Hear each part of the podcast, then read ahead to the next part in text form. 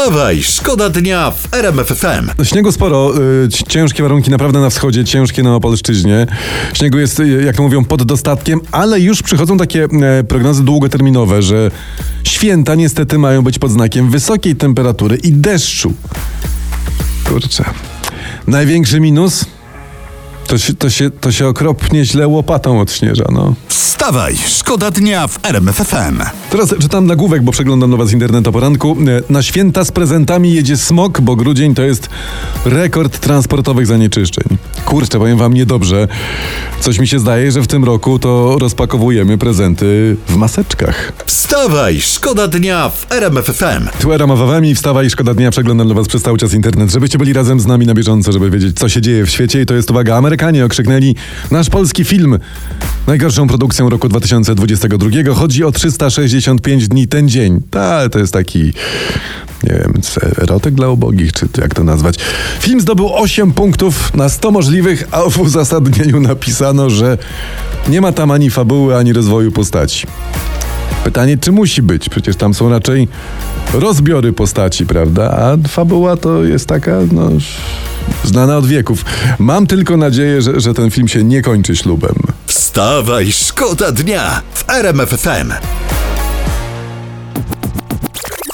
Telewizje te poranne transmitują przyloty drużyny argentyńskiej do Argentyny, powrót, pokazywanie pucharu, wszyscy świętują, wszyscy się cieszą. I elegancko.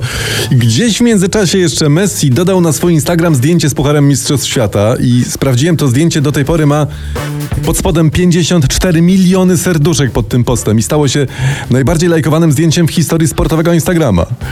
Patrzcie, mistrzostwo na stadionie, mistrzostwo na Instagramie, to jeszcze tylko jakieś jedno małe mistrzostewko i będą mieli prawdziwego hat-tricka. Zresztą, prawdę mówiąc, mogą sobie Argentyńczycy na uszach stawać, a i tak, jeśli idzie o kraje, w których szef policji rozwala swój gabinet granatnikiem, to my prowadzimy z nimi 1 do 0. Wstawaj, szkoda dnia w RMF FM.